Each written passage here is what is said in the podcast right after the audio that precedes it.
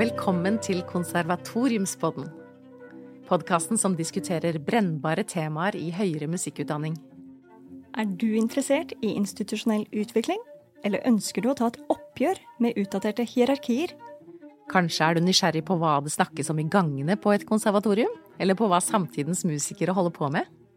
Ja, da er dette podden for deg. Jeg er Tanja Orning. Og jeg er Veronica Skiberg. Denne podkasten er produsert av Sempe ved Norges musikkhøgskole. For alle som er interessert i høyere musikkutdanning. Dette er den aller siste episoden av Konservatoriumspodden, og vi skal snakke om fremtidens høyere musikkutdanning. Dette er jo et uh, brennbart tema, og den gir litt sånn gjenklang i episoden vi avrundet forrige sesong med, som var Fremtidens musiker. Da tok vi allerede opp en del av disse kampene som vi ser uh, fremtre i musikklivet, og hvorfor dette er blitt så, så brennbart, da. Ja, det er jo veldig eh, akutt akkurat nå, faktisk, for norske musikkinstitusjoner. Fordi i mars kom jo utsynsmeldingen fra regjeringen hvor de eh, foreslår et drastisk kutt eh, i finansieringen til musikkutdanningsinstitusjoner, fordi de mener at det ikke er eh, samfunnets behov å utdanne så mange musikere. Og dette tilbakeviser jo Astrid Kvalbein og Sissel Karlsen i en artikkel i Krono, hvor de også viser at dette er på helt feil tallgrunnlag, så sektoren har ikke vokst sånn som ministeren hevder. Eh, men snarere tvert imot er det slik at, eh, at musikere som blir utdannet hos oss, eh, nesten alle får relevante jobber som det blir i et livslangt løp.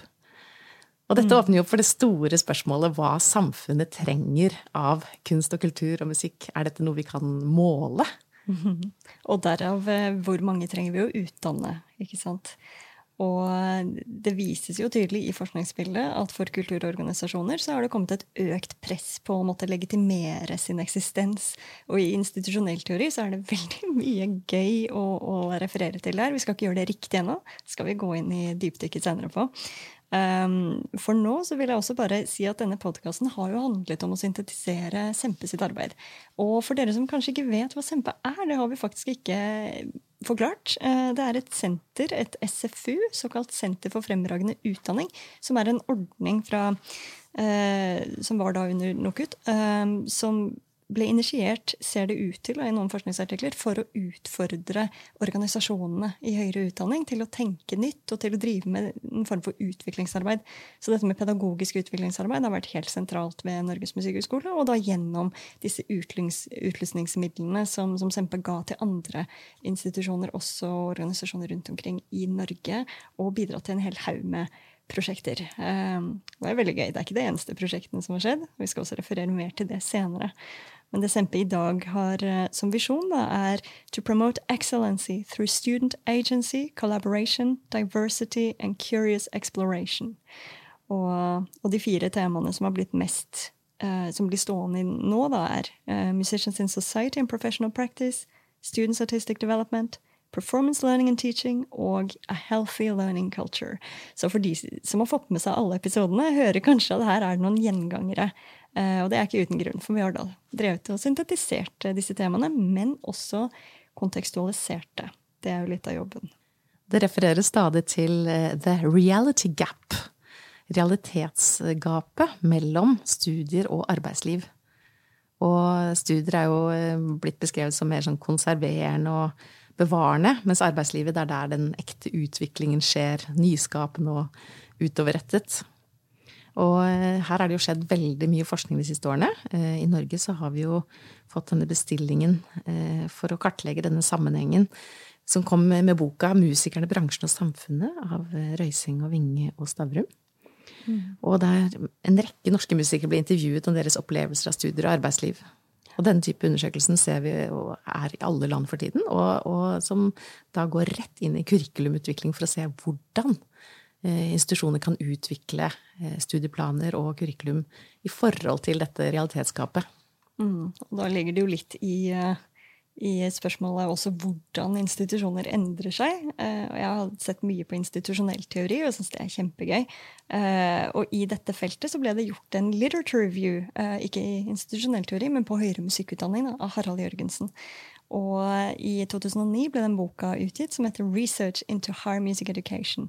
Og han skriver da at allerede i flere tiår så hadde høyere musikkutdanningsinstitusjoner blitt eh, det hadde blitt krevd forandring fra dem. Altså 'change or you don't survive'.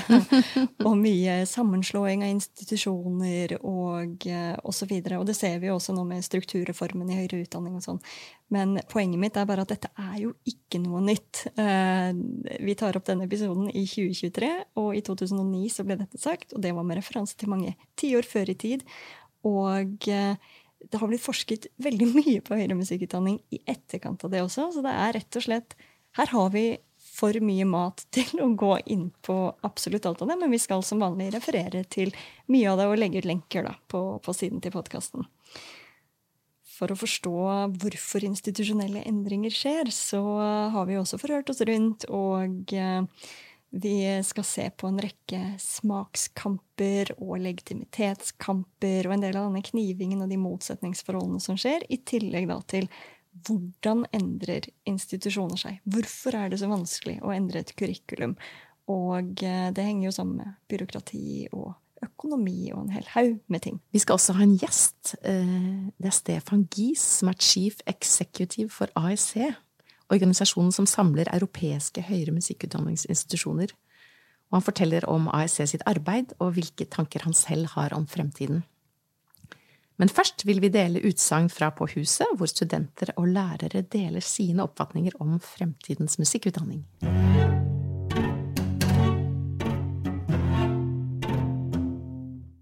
Hvordan ser høyere musikkutdanning ut i framtida?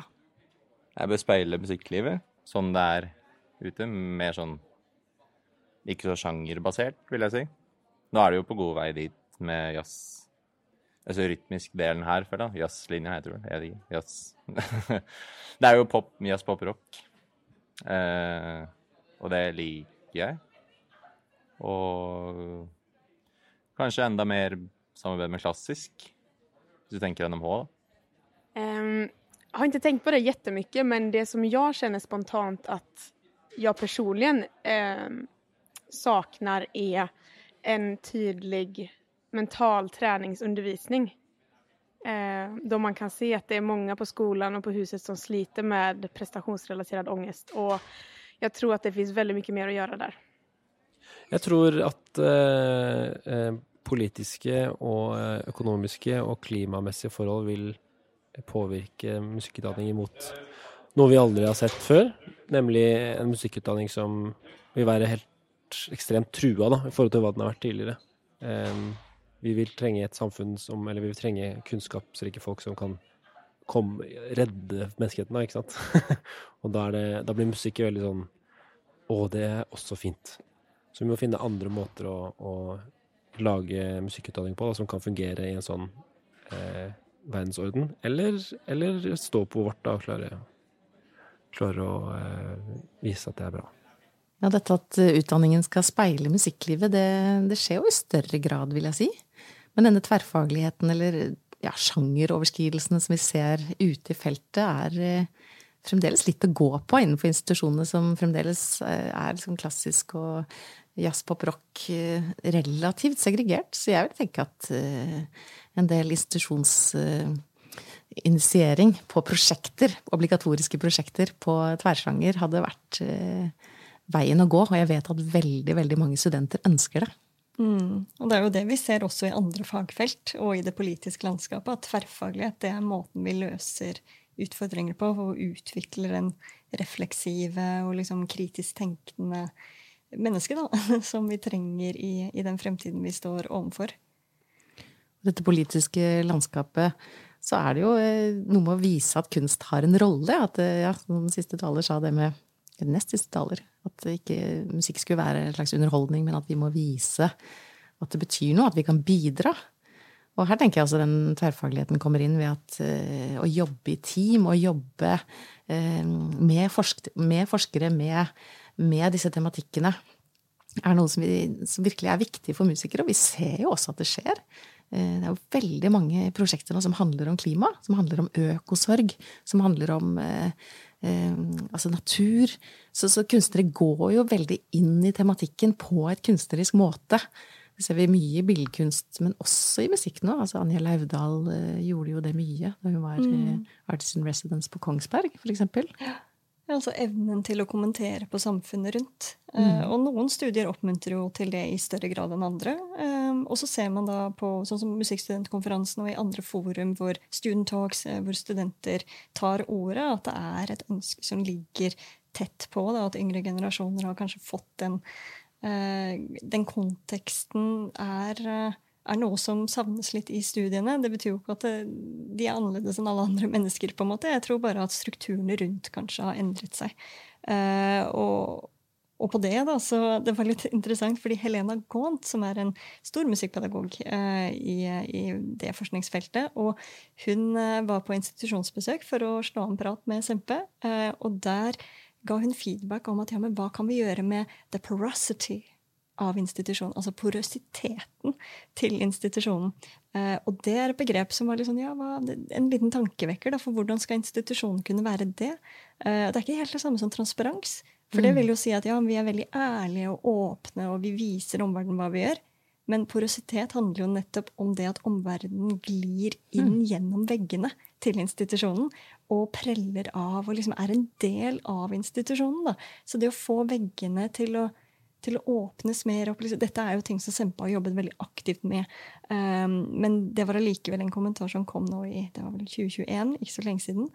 Og um, the porosity, så noe å ta med seg inn i, i de formelle strukturene. Da. Hvordan bryte ned eh, eller smøre opp byråkratiet, sånn at de, de, er litt mer fleksible. På et vis. Dette er jo ting som, som har blitt forsket også på, som jeg gleder meg til å snakke mer om senere. Men denne samfunnsporøsiteten er jo virkelig interessant metafor. For det betyr jo at, eh, at eh, kanskje mer eh, aspekter, flere perspektiver fra samfunnet må også komme inn i utdannelsen. Altså vi trenger kanskje andre typer forelesere. Vi trenger å komme mer ut på prosjekter. Altså hva er, samfunnet? Vi er også en del av samfunnet. Men det at når alle disse politiske tingene står på spill, så er det, altså det er noe som brenner litt mer, da. Så den kunstens ja, beskyttede boble, som vi har snakket om før. Mm. Og den herlige formen for isolasjon du kan få lov til i utdannelsen. Å virkelig gå inn i dybden med faget ditt. Mm. Uten å måtte hele tiden prestere eller presentere for samfunnet. Mm. Det, er, liksom, det, er, en motsetning som vi må jobbe hardt for å overkomme. Ja, og, og, og, være villig til å diskutere det. Og, ja, apropos tankesmia Kraft er jo etablert på tvers av kunstarter og tar opp nettopp den type temaer. Så der er det jo noe å følge med på fremover. Uh, og noen annen også angående prestasjon som nevnte det at mental trening og disse tingene har, har vært savnet. Da. Og for, hvis du er interessert i det, så løp og hør på Musikerhelseepisoden vår. Men for nå, la oss høre videre om fremtidens høyere musikkutdanning. Hvordan ser høyere musikkutdanning ut i framtida? Ja, det spørsmålet kommer jo an på eh, om man velger å legge til grunn hva man frykter som det worst case scenario, eller hva man håper på. Så hvis jeg skal beskrive da et sånn eh, mitt drømmescenario, det, da velger jeg å svare på det på den måten, så, så ser jeg for meg at, eh, at eh, ingen sjanger eller måter å kunne ting på i musikk er, blir sett på som bedre eller mer verdifulle enn andre. Og um, at vi, at vi uh, har en enda større variasjon i må, måten vi uh, stimulerer til å tenke på musikerskap på. Og det vil si også undervisning og tilrettelegging for andre sin læring, som, sin, som jeg jobber med da innenfor musikkpedagogikk. Ja, altså jag studerer komposisjon, så jeg måste se det fra den, den innfallsvinkelen, Liksom. Og det jeg skulle ønske at det var i dag, det er at komposisjon handler ikke bare om å skrive musikk, utan det er liksom å sette sammen flere saker. Liksom. Så jeg hadde ønsket at det var en kombinasjon av både musikk, dans, bildkonst, Alt i ett, liksom, Alt i ett hus. Og det er det liksom jeg ser framför meg. en utopi liksom. Jeg har jo lyst at eh, musikkutdanningen skal formes etter hva samfunnet er, da. Eh, at, eh, at, alle som går utdanning, egentlig har en mulighet til å, til å bidra med noe nytt eller noe eksisterende eller eh, et eller annet i samfunnet som, som former både utdanning videre, men også det samfunnet som allerede er. Det er jo interessant at det er en komposisjonsstudent som ønsker en større kunstnerisk tverrfaglighet her, og kaller det en utopi. Eh, men det har jo rett og slett vært eh, et slags ønske fra høyere hold i flere runder å slå Musikkhøgskolen sammen med de andre kunstutdanningsinstitusjonene i Oslo. Men dette har flere ganger blitt avverget. Daværende rektor Peter Tornquist ønsket å beholde Musikkhøgskolens selvstendighet og og tenkte at eh, vi har eh, noe helt som er unikt, som selvfølgelig samarbeid er fint, men at eh, som institusjon og selvråderett og med økonomi og sånn, så er det en fordel å være alene. Mm, og det, dette henger jo også sammen med institusjonell autonomi. Det å vite at man kan ta beslutninger som kun gjelder denne, og at man ikke trenger å svare til noen over. og De andre konservatoriene er jo sammenslått med andre utdanningsinstitusjoner og er da en del av dem. Og sånn som Harald Jørgensen skrev, da, det har eh, skjedd i en rekke land i en rekke år. Eh, flere tiår. Og vi, det, er noe, det har noe for seg også å ha den autonomien. Samtidig så, ja det, Når noe er desentralisert, så er det også mange kokker da, som skal jobbe sammen. Ja, og den eh, andre som snakker om at musikkutdanningen formes etter samfunnet, det er jo et virkelig sånn gjentagende mantra som, som sies som både utenfra og innenfra. Og det er jo en utrolig fin tanke at vi skal representere samfunnet, og da trenger et mye større mangfold. Eh, samtidig så kan man jo se at dette er en sånn eh, Ja, skal vi hele tiden endre oss etter noen behov der ute? Skal vi på en måte tilpasse oss markedet? Og dette står jo i sterk motsetning til den Eh, tanken om at enhver utdannelse er en premissleverandør. At vi har en egen visjon, en egen agenda. At vi former jo også samfunnet. Vi er jo makers of society, som da Helena Gaunt eh, skriver om i artikkelen sin. Og det, og det, er jo en sånn balansegang vi må være med på. Eh, altså både adaptere og hele tiden følge med hva som skjer der ute, men samtidig så må vi ha en egen kunstnerisk agenda og utdanne kunstnere. For vi har det er en kunstinstitusjon, Musikkhøgskolen. Mm.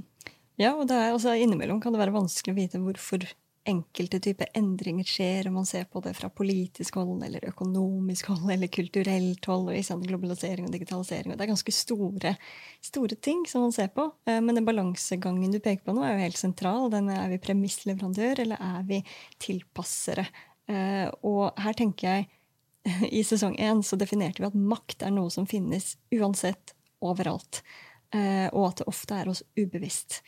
Og det gjør jo at de institusjonelle strukturene vi har, kan ende opp med en rekke folk som, som, plutselig blir portvoktere, uten nødvendigvis å reflektere over den rollen de faktisk sitter i og representerer og viderefører. Og, og så begynner konserveringen. da, ikke sant? Men når man skal være en premissleverandør, så må man faktisk ta aktive valg å velge å være en døråpner for, eksempel, for en viss type yrke, yrkestittel eller rolle, eller ute der, og, og, være med på å definere hva musikklivet også skal gå i. Uh, også det samspillet mellom utdanningsinstitusjoner og arbeidslivet er jo bare utrolig interessant. Um, og det var vel Joakim i episoden om, uh, om, mangfold i musikkutdanning forrige episode, som snakket om nettopp det at er du en portvokter, så kan du jo også være en døråpner for nye måter å tenke på. Så kanskje noe av nøkkelen rett og slett ligger i økt eh, bevissthet og nysgjerrighet overfor andre mennesker og andre uttrykk. Og Dette rimer jo også med det Guro snakker om, altså ønsket om større variasjon og ikke hierarkier. Mm. Også, det er jo en slags verdibasert eh, ting som handler om makt. Mm. Og sånn som vi ser det i dag, så er det jo det er jo hierarkier på mange måter innenfor det institusjonelle. Men publikum, de er jo altetende. Altså, de er jo mye mindre tro nå mm. mot eh, at klassisk musikk f.eks. er mer høyverdig enn å gå på en eh, popkonsert. Sånn at mm. Eh, publikum og menneskene der ute, de forandrer jo disse hierarkiene. Ja, altså man blir eksponert for så innmari mye. Det fins så mye i verden, og man har så lett tilgang på det. Uh, og ja, de videre episoden så skal vi snakke om nettopp eh, disse tingene. Gå dypere inn i hvilken verden vi faktisk omringer oss med, og hvilke smakskamper og legitimeringskamper som utarter seg i den institusjonelle settingen på bakgrunn av dette. Men eh, først så skal vi da ha intervju med vår fagekspert, som er Stefan Gies.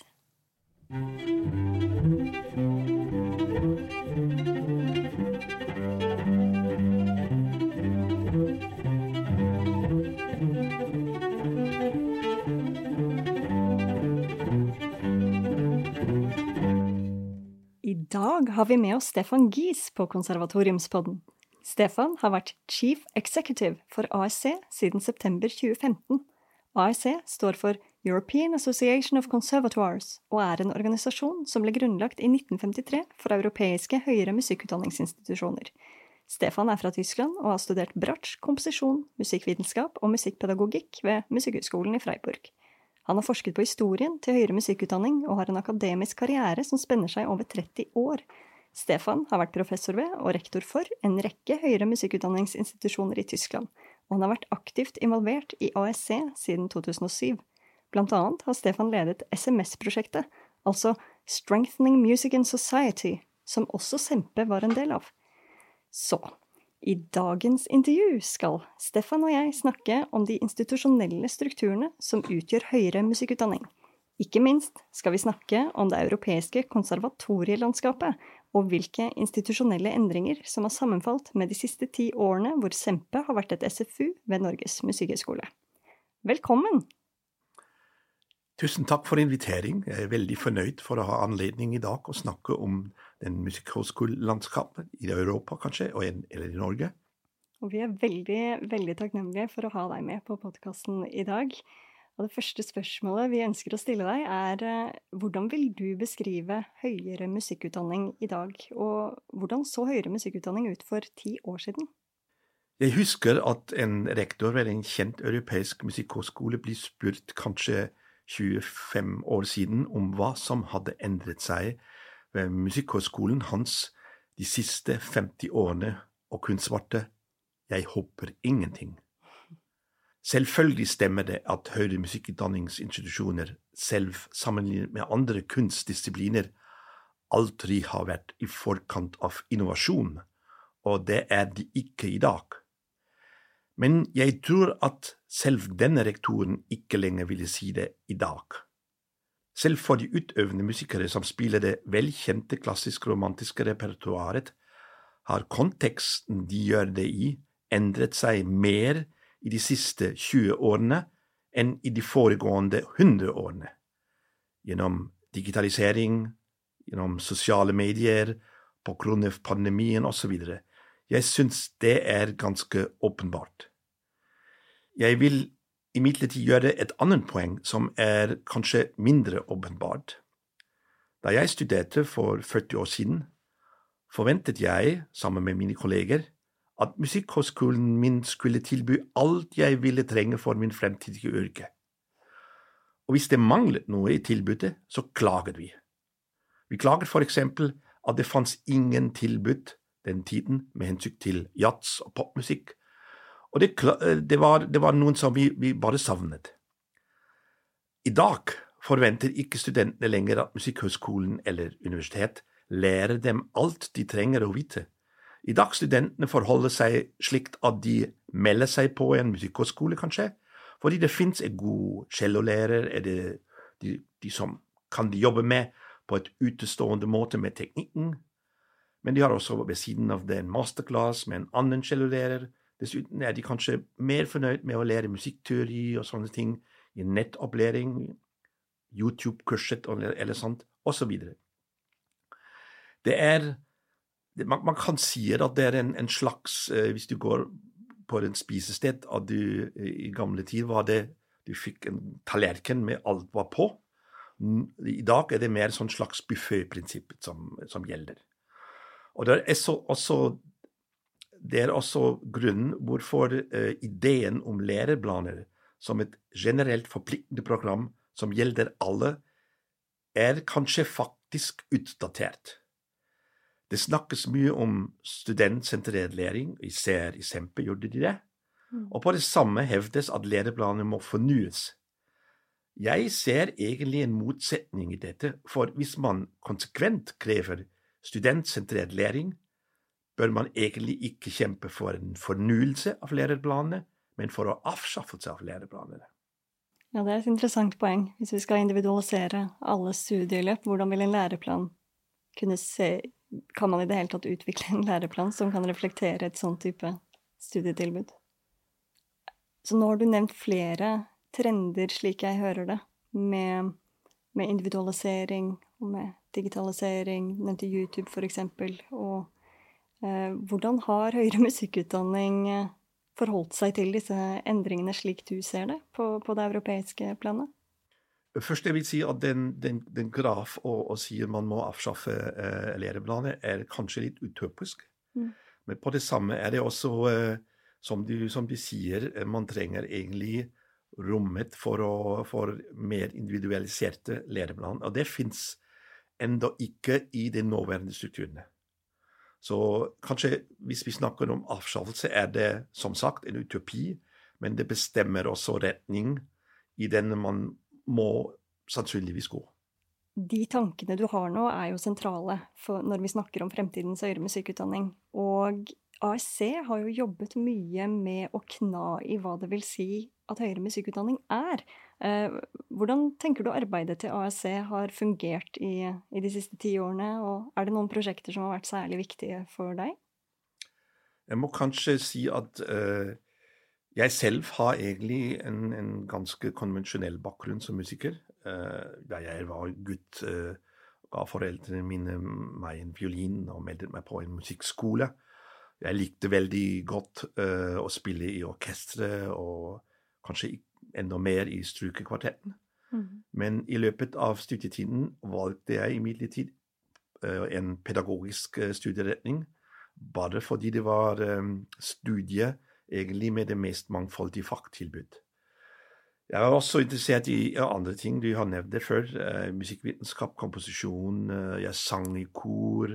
Jeg spilte også i rockeband. Og bare dette å øve på violin eller senere bratsj var rett og slett ikke nok til for meg. Og det var bare senere, eh, forresten, at jeg fant ut at jeg også liker å undervise, og kanskje også gjorde denne jobben ikke så dårlig. Men eh, den opprinnelige grunnen var egentlig at jeg savnet eh, mangfoldigheten i studietilbud. Og da jeg var professor, og senere også rektor ved en musikkhøgskole i Tyskland, opplevde jeg igjen denne følelsen som en slags um, uh, déjà vu. Uh, den følelsen av drangheten på en ganske lignende måte, men på en ulik nivå. Og det var da jeg kom i kontakt med ASC og møtte andre rektorer som hadde lignende ideer som jeg hadde, om å videreutvikle kanskje miljøet eller om forandringer. Og det var for meg egentlig uh, utrolig inspirerende. For de siste 20 år har AIC igjen og igjen vært involvert i prosjekter, som du sa. Det, I denne, disse prosjekter var nye ting eh, kanskje brøvd ut mer enn utviklet. Brøvd ut. Og de fleste av disse prosjektene blir ikke initiert av AIC selv, men av våre medlemmer. Og i denne sammenhengen har forresten NMH Oslo og kanskje også andre norske institusjoner av høyere musikkutdanning alltid vært blant de mest aktive eh, høyere musikkutdanningsinstitusjonene i Europa. Hvis vi snakker om tematikker, um, så det, det var jo slik at noen um, emner blir rett og slett gitt oss uh, til uh, av, av, politikken, eller av uh, på grunn av visse utviklinger i samfunnet. Og hvis jeg ser tilbake de siste 20 årene, var emner som I begynnelsen var det emner som kvalitetsutvikling. Det var svært viktig i starten. Etablering av en kvalitetssikringssystem og, sånne ting. Et annet emne var entreprenørskap og kunstnerisk forskning. De var også nye emner uh, 20 år siden, og jeg tror at AIC var en kjempeviktig møteplass for å fremme den utvikling. Uh, det var en møteplass blant rektorene av, fra hele Europa. det var det. I siste årene har emner som inklusjon, mangfold kommet til og selvfølgelig også digitalisering. Over hele Europa står spørsmålet på dagsordenen om hva høyde musikkutdanningsinstitusjonene bidrar eller bør bidra til samfunnets velferd. Og denne tematikken er også fokus av det nåværende store AEC-prosjekt Artemis, Artists as Makers in Society, som ble initiert og drevet fram av AEC selv.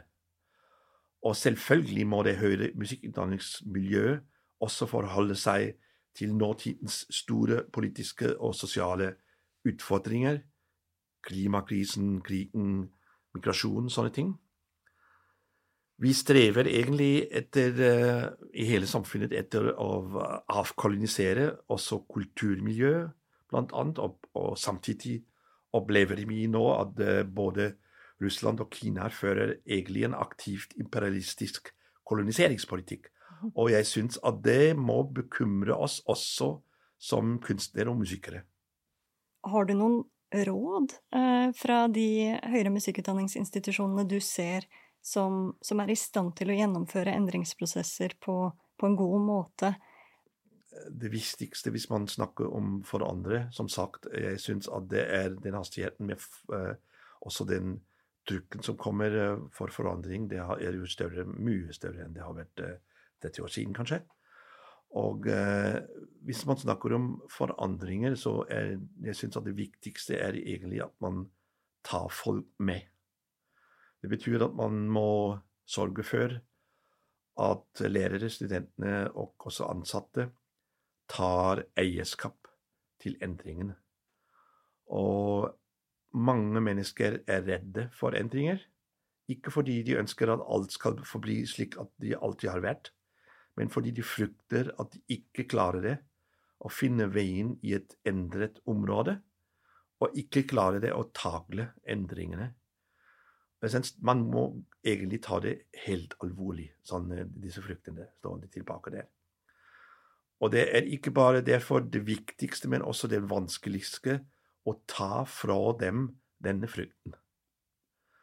Det er egentlig forutsetningen for å, for å komme fram på en lykkelig uh, måte. Det, også, uh, det finnes også strukturer som står i veien for endring. Det er klart. Uh, eksempelet um, kunne være at hvis du, hvis, du, har gode ideer, alle er enige med det, det er fortsatt kanskje man man må kanskje endre loven eller sånne ting. Det tar lang tid. Folk er ikke slik tålmodige. Og Eh, man trenger kanskje også på, på noen For noen oppgaver uh, lærer, nye vil ikke si nye lærere, men de, de nåværende lærere ikke, er ikke forberedt for en del ting som man egentlig tenker at man bør ha nå. Så det er uh, strukturelle, byråkratiske og uh, lovsmessige krav som blokkerer en del eh, forandringer, men fortsatt jeg syns at den, den, med avstand viktigste er egentlig å, å ta det med mennesket. Jeg tror også um, at til syvende og sist er det både en slags mental åpenhet og slike strukturelle merknader, som jeg nevner, viktigere enn studieplaner. Da kommer vi tilbake til studieplaner. Mhm. Fordi studieplaner og læreplaner fylles med liv eller ikke av mennesker europeiske høyere musikkutdanningsmiljø ser med stor interesse på de veldig få institusjoner, men de fins, som tør å prøve ut nye ting. Det har jo kommet viktig forskning fra disse AEC-prosjektene som eh, kobler det dere har prøvd ut i praksis, opp mot eh, det større forskningsbildet. Eh, blant annet dette med Musicians as Makers, og som du sier med Artemis. At man skal ut i samfunnet som, som medborgere. Med din erfaring, hva er det du ser for deg at vi kan komme til å støte på i fremtiden i høyere musikkutdanning? Jeg er nesten sikker at eh, musikkhøgskolene må forholde seg til den økende mangfoldighet. Også den økende mangfoldighet av uh, ulike uh, livsveier eller uh, ønsker eller hva, hva, de forvent, forventelser mot høyere utdanning. Vi har allerede snakket om det.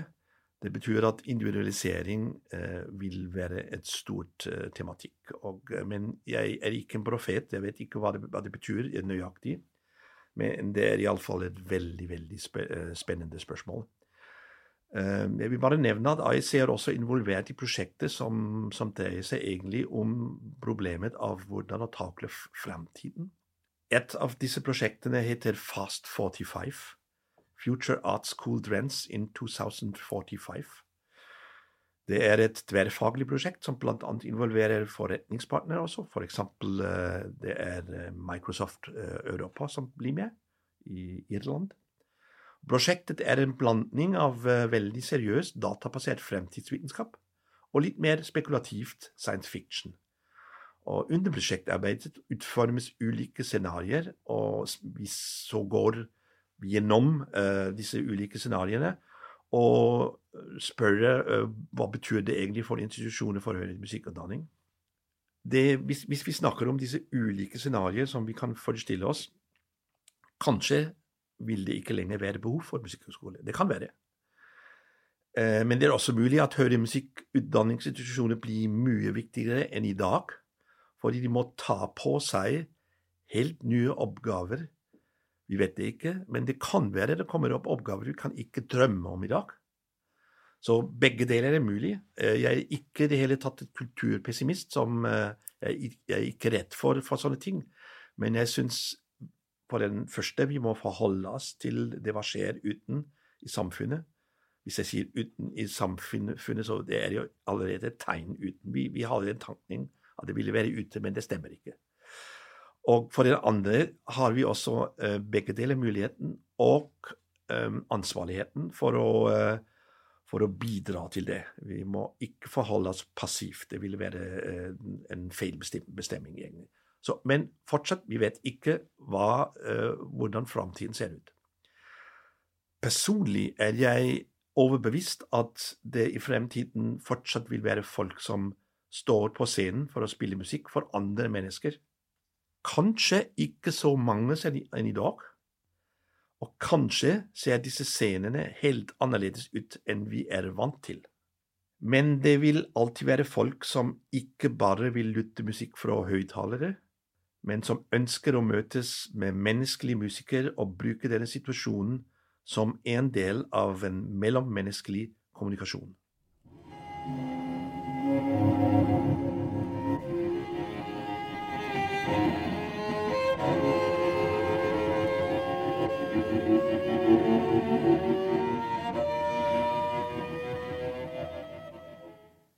Stefan snakker jo her om at vi må ta på oss oppgaver vi ikke kan forestille oss, og det tror jeg er helt sant.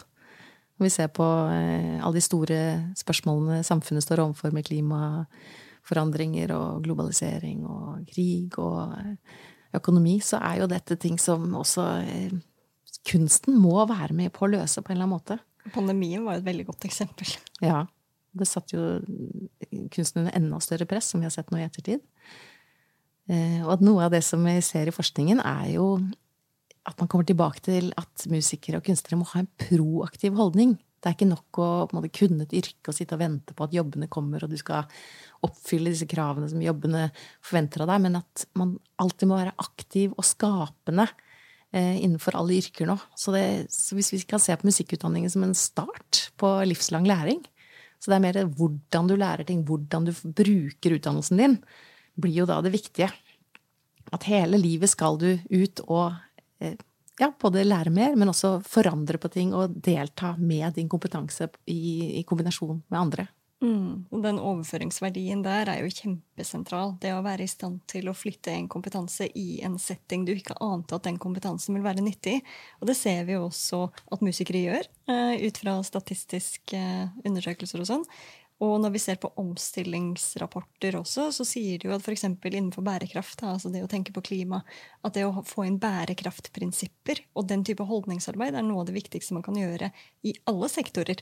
Um, og sånn at man rett og slett opererer med type felles verdisett liksom, ja, osv. Mm. Eh, og der har man jo en del oversettelsesarbeid å gjøre på tvers av ulike fagfelt, som er sikkert eh, en stor utfordring i tiden som kommer, men også en oppgave vi ser begynner å bli tatt tak i.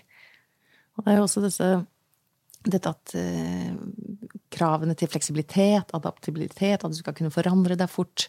Eh, dette begrepet VUCAN, volatility, uncertainty, complexity, ambiguity, som handler om at vi må hele tiden være klare for forandring og være eh, med på de endringene som skjer. Og dette syns jeg viser seg det spenningsforholdet eh, som jo kunst, og særlig kanskje musikkutdanningen, er at det handler mye om en tradisjon å lære et håndverk du lærer over flere tiår før du på en måte Ja, ikke før du er med, men altså du, du har dette her håndverksfokuset som tross alt er å lære komposisjon eller et musikkinstrument. Og så eh, hvordan du igjen skal da være med i samfunnet som hele tiden stiller krav til deg. Så spenningsfeltet mellom, mellom at man har en utdannelse med en masse fag, og det med prosjektbaserte tankegangen og nyskaping, er jo noe vi ser, eh, ser mye av. Mm. Det var litt morsomt at Stefan anså ASC for å være et kreativt drivhus hvor kloke hoder kom sammen og kunne jobbe kreativt og liksom kna i og få den synergiske effekten. Da. For det er jo akkurat det som, som jeg hører studenter si om høyere musikkutdanning også, at man går ikke nødvendigvis bare der pga. fagene. Det er den tilgangen på folk, på ressurser, på tankegods og ideer og det å være et sted hvor så mange ønsker så mye samtidig i en så eh, sentrert periode av livet. Da. Det er en veldig spesiell situasjon som er helt, helt fantastisk. Og, og, dette som ble nevnt med å avskaffe studieplaner, det er Om det er Han sa vel en utopi. Eh, og det, det kan man si. Vi var jo litt innom disse tingene i episoden om studentstemmen også, hvor krevende det er å tilrettelegge for absolutt alle studenter og individualisert. Og jeg tror noe av dette ligger vel i det å respektere at folk ønsker forskjellige ting. At det ikke bare er liksom på studieplannivå, eh, men som Stefan nevnte, at det er først og fremst er det mennesker som gir liv i studieplanene. Eller ikke. Eh, men det at man at det må være lov å ville forskjellige ting. Da. Eh, og disse hierarkiene som vi har tatt opp igjen og igjen og igjen gjennom denne podkastserien, er så tydelige når man går rundt. Man føler det liksom på kroppen. Og så er ikke hierarkiene de samme når man da kommer ut fra sin utdanningsinstitusjon. Eh, på godt og vondt, da. og da tenker jeg at det er mye å si for det individualiserte, og så står dette i samspill med det kollektive, som vi også ser, det kollaborative eller samarbeidsformede arbeidslivet. Her har vi jo så mye vi kan snakke om. Mm. Men noe av det viktigste er vel kanskje dette med, med mangfold, som også dras frem. Da, for vi skal snakke om fremtidens høyere musikkutdanning, og vi ser at mange av disse andre tingene de skjer allerede. Men et sted vi, som vi tok opp i forrige episode, som det står litt mer stille, det er jo på dette med, med mangfold. For hvordan kan vi bidra til at disse hierarkiene kommer i forskyvning, og at vi diskuterer konsekvenser og ulike former for, for, kunst og kunstneriske uttrykk og folk, og hvordan kan vi Ja, og som du nevnte, folk har jo gjerne en veldig lang uh, tid i, som, som amatørmusikere eller som unge i et musikkliv før de kommer i høyere musikkutdanning. Dette mangfoldet blir jo tatt tak i på Musikkhøgskolen ved Frima og Frika, altså det frie kandidatstudiet og frie masterstudiet. Og dette er jo etter min mening helt eh, strålende programmer som da tar inn eh, folk som faller mellom forskjellige stoler. Eh, altså enten med instrumenter som ikke går inn i andre programmer, eller som veldig mange har en dobbel eh, hovedområde. Altså de holder på med flere ting, enten to instrumenter eller komposisjon og, og, og spilling.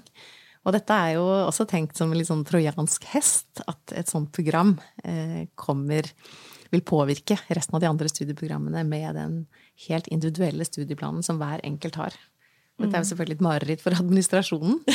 eh, og det er jo også sånn eh, at man tar inn kanskje studenter som man ikke har lærere til. Så det, dette er jo på en måte et strukturelt problem på mm. utdanningsinstitusjonene. At hvis de skal forandre seg, så må man jo faktisk også ansette helt andre typer lærere og et mye, mye større mangfoldig korps av lærere. Ja. Og det er jo noe som vi ser en tendens til nå. Mm. I sånn type eh, altså, hva heter det, stillingsplaner. At man planlegger eh, hva slags stillinger som skal være fremover. Og det er jo veldig ofte eh, studiedimensjoneringsplan, heter det. Som handler om både studenter og hva slags stillinger man trenger. Mm. Og det er jo veldig ofte bygget på fortidens behov. Og fortidens behov er jo veldig ofte eh, har røtter i orkesterutdannelsen. Sånn at du trenger jo på en måte og, og tenke hele modellen på nytt hvis man skal ansette nye lærere. Mm.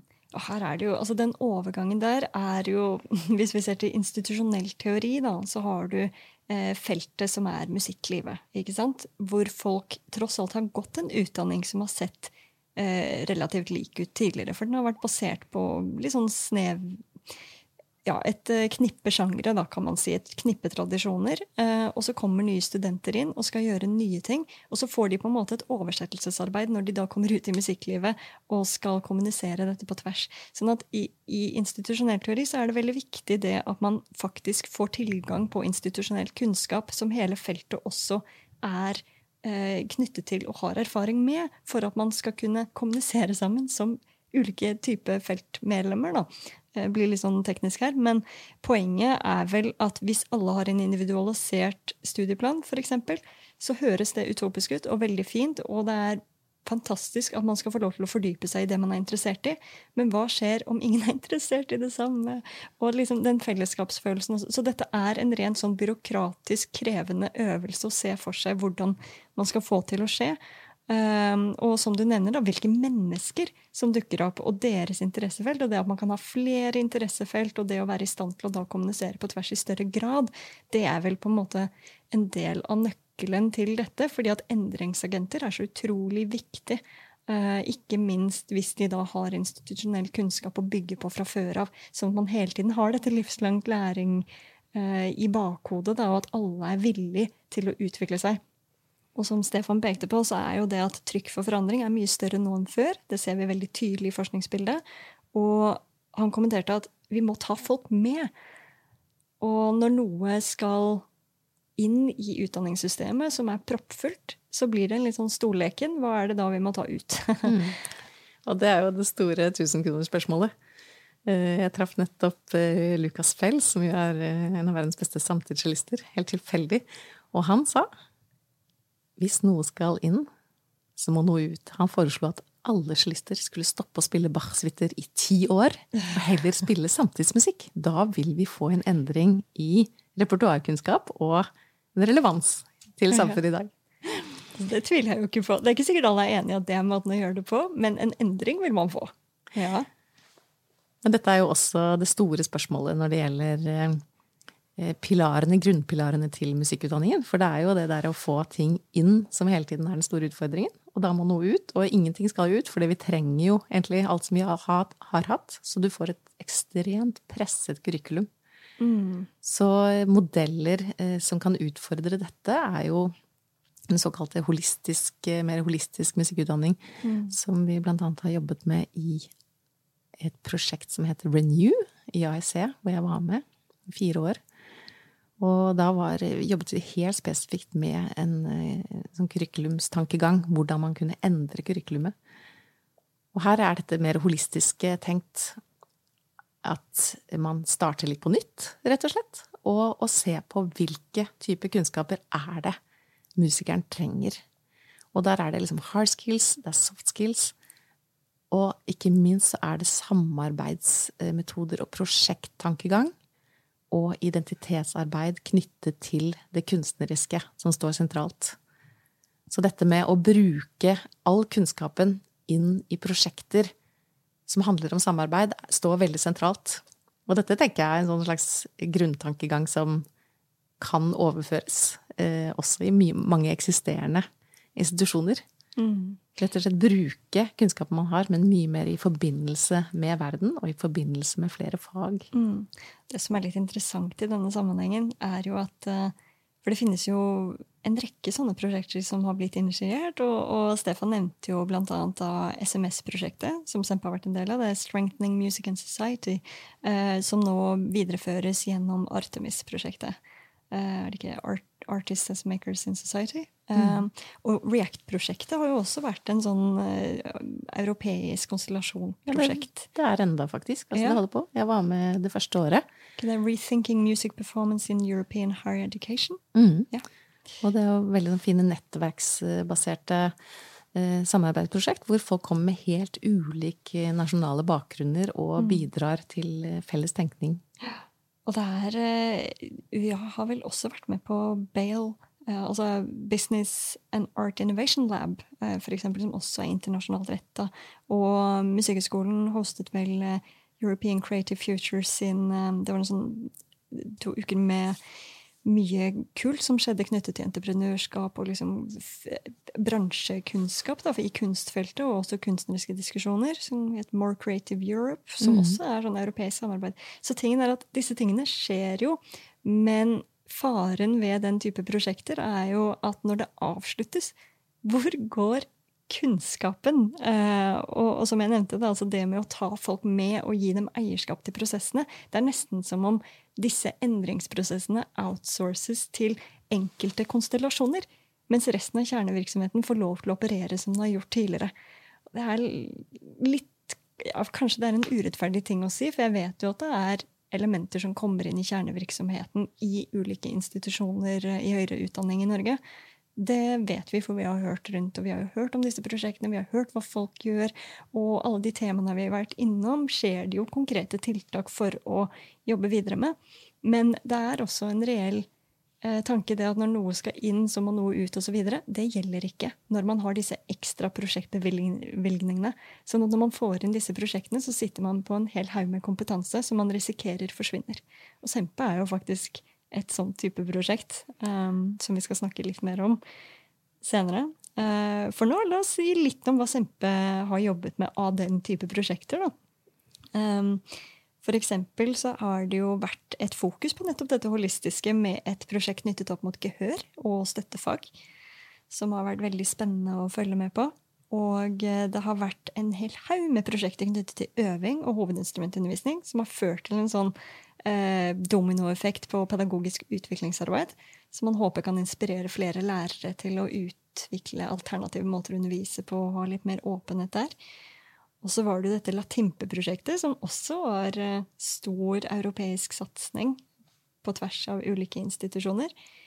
Og så mye mer. Så, ja, det var en del ja. knyttet til kunstnerisk utvikling. Eh, jeg var med i det kjernemappeprosjektet, som var jo Eh, at studentene fikk en kunstnerisk veileder i tillegg til hovedinstrumentveilederen sin. Og bare på fem veiledningstimer over et halvt år så så vi en ekstremt sånn positiv effekt på at de fikk se på helheten i sitt kunstneriske virke, og mer ting knyttet til identitet og refleksjon. Og at det også var et fristed hvor man kunne virkelig ta med hele seg inn. Det nytter, altså. Disse prosjektene får jo selvsagt ringvirkninger. Eh, men en ting som, som vi For nå nærmer vi oss slutten på denne podkastserien, og også på denne episoden. Og en ting som er noe vi er nødt til å snakke om, er dette med overføringsverdien fra den type prosjekter, og hvordan å få kompetansen ivaretatt. Um, fordi som Stefan nevnte, det å gi folk eierskap Hvis man opplever at ens egen kompetanse er truet i møte med nye ting, så er det ikke sikkert at det stemmer, selv om det oppleves slik. Eh, fordi vi trenger alle. alle beina trenger vi å ha i, i høyere musikkutdanning, men vi er nødt til å ha mer prat og mer dialog på tvers. Det er derfor vi kommer tilbake igjen til det tverrfaglige. Og når de strukturene ikke eksisterer, da begynner dette å bli et ledelsesansvar. Um, så vi ser f.eks. det at å lyse ut midler med visse føringer på hva som skal utvikles, skaper utvikling innenfor de områdene der.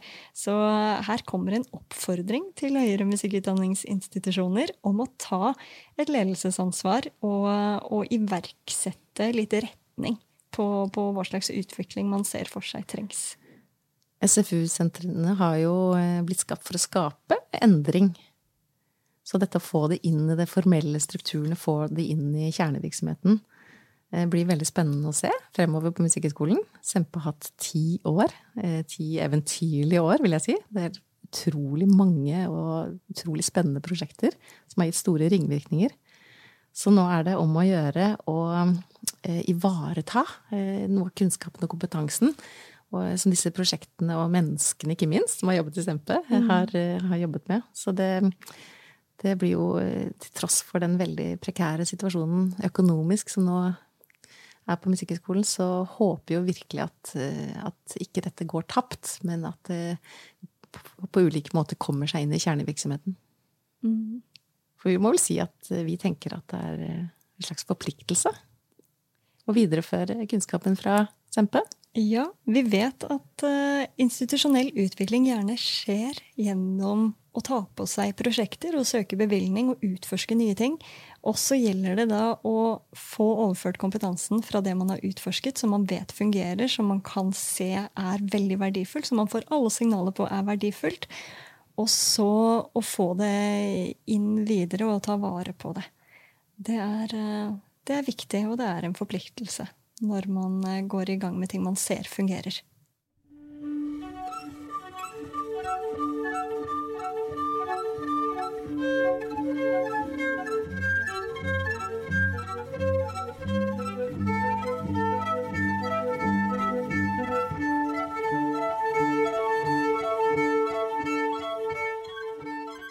I denne episoden har vi snakket om fremtidens høyere musikkutdanning, hva nå enn det er. Og vi har snakket om de legitimitetskampene og smakskampene og institusjonelle strukturene og prosjektene. Vi har snakket om en hel haug med ting av det som gjøres og som ikke gjøres. Ehm, og nå er vi inne i en konklusjon av faktisk hele podkastserien. Nesten litt leit. Det har vært mm. veldig, veldig gøy. Og tusen takk for at vi har hatt med deg som lytter. Det jeg ønsker å si liksom på tampen nå, er at det er et økt behov for legitimitet. Særlig kanskje i kultursektoren. Og det betyr at vi er jo nødt til å ta av skylapper dersom man har hatt på det, og lære seg å språkliggjøre hvorfor kunst er viktig. da. Ikke bare overfor samfunnet rundt seg, men overfor seg selv. Å ta den bevissthetsøvelsen på hva er det kunst er for meg, hva er det kunst er for andre, og hvordan kan jeg kommunisere dette? Og dette jo, viser seg å være en utfordring innenfor musikkutdannelse, for det, det er en sterk konsensuskultur. Eh, og vi er ikke så vant til å språkliggjøre ting og si hvorfor musikk er viktig, og, og hvem det er viktig for, utover oss selv. Eh, mm. altså det er på en måte en slags sånn eh, sannhet som bare ligger der.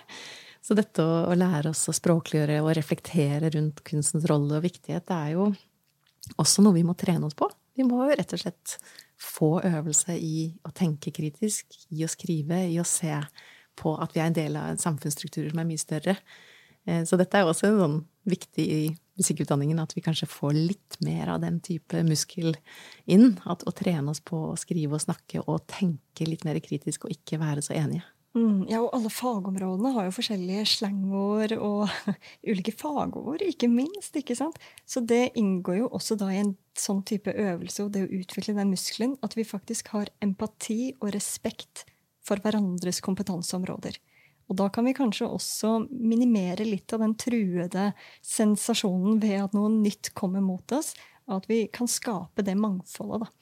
Um, og den, eh, på den tråden så vil jeg oppmuntre alle studenter til å oppsøke nye ting. Vær nysgjerrige, vær utforskende, ta tak i det kreative drivhuset og kjør på. Ikke vær så redd for å etablere en identitet for tidlig. Det er lov å ikke vite helt hva man er og hvor man skal, og det gjelder for så vidt alle aldre. Vi skal, livslang læring er, er kommet for å bli. Vi er nødt til å drive med utvikling. Og i, med tanke på det da, så skal det også sies at alle lærere har FoU-tid, altså såkalt forskning og utviklingstid. Som vil si at de skal drive med forskning og utvikling. Og de, de skal holde på med prosjekter som utvikler. Og, så hvis du er nysgjerrig, spør læreren din om hva vedkommende driver med, hva som er utviklingsprosjektet for tiden. Og kolleger, spør hverandre. Vær litt nysgjerrige. Gå rundt. Vis interesse. Og eh, jeg må si at alle lenkene eh, til referansene ligger på hjemmesiden vår.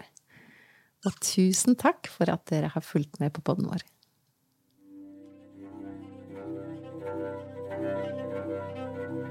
Det var femte episode av Konservatoriumspodden sesong to. Vi takker Stefan Gies, som var med oss som gjest i dag. Vi takker også Sigrun Sæbø Aaland, som har vært en helt strålende produsent og konsulent for denne podkasten. Vi takker også for utsagn fra folk på huset, Guro Gravem Johansen, Vetle Laupsa og Mitra Fagli Raman. Noen ønsker å være anonyme. Bak podkasten finnes også en rekke bidragsytere som vi ønsker å takke.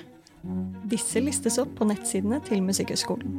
Der kan du også lese om Konservatoriumspodden og finne alle referansene som har blitt nevnt. Tusen takk for at du lyttet til denne siste episoden. Jeg er Tanja Ordning. Og jeg er Veronica Ski Berg. Tusen takk for oss.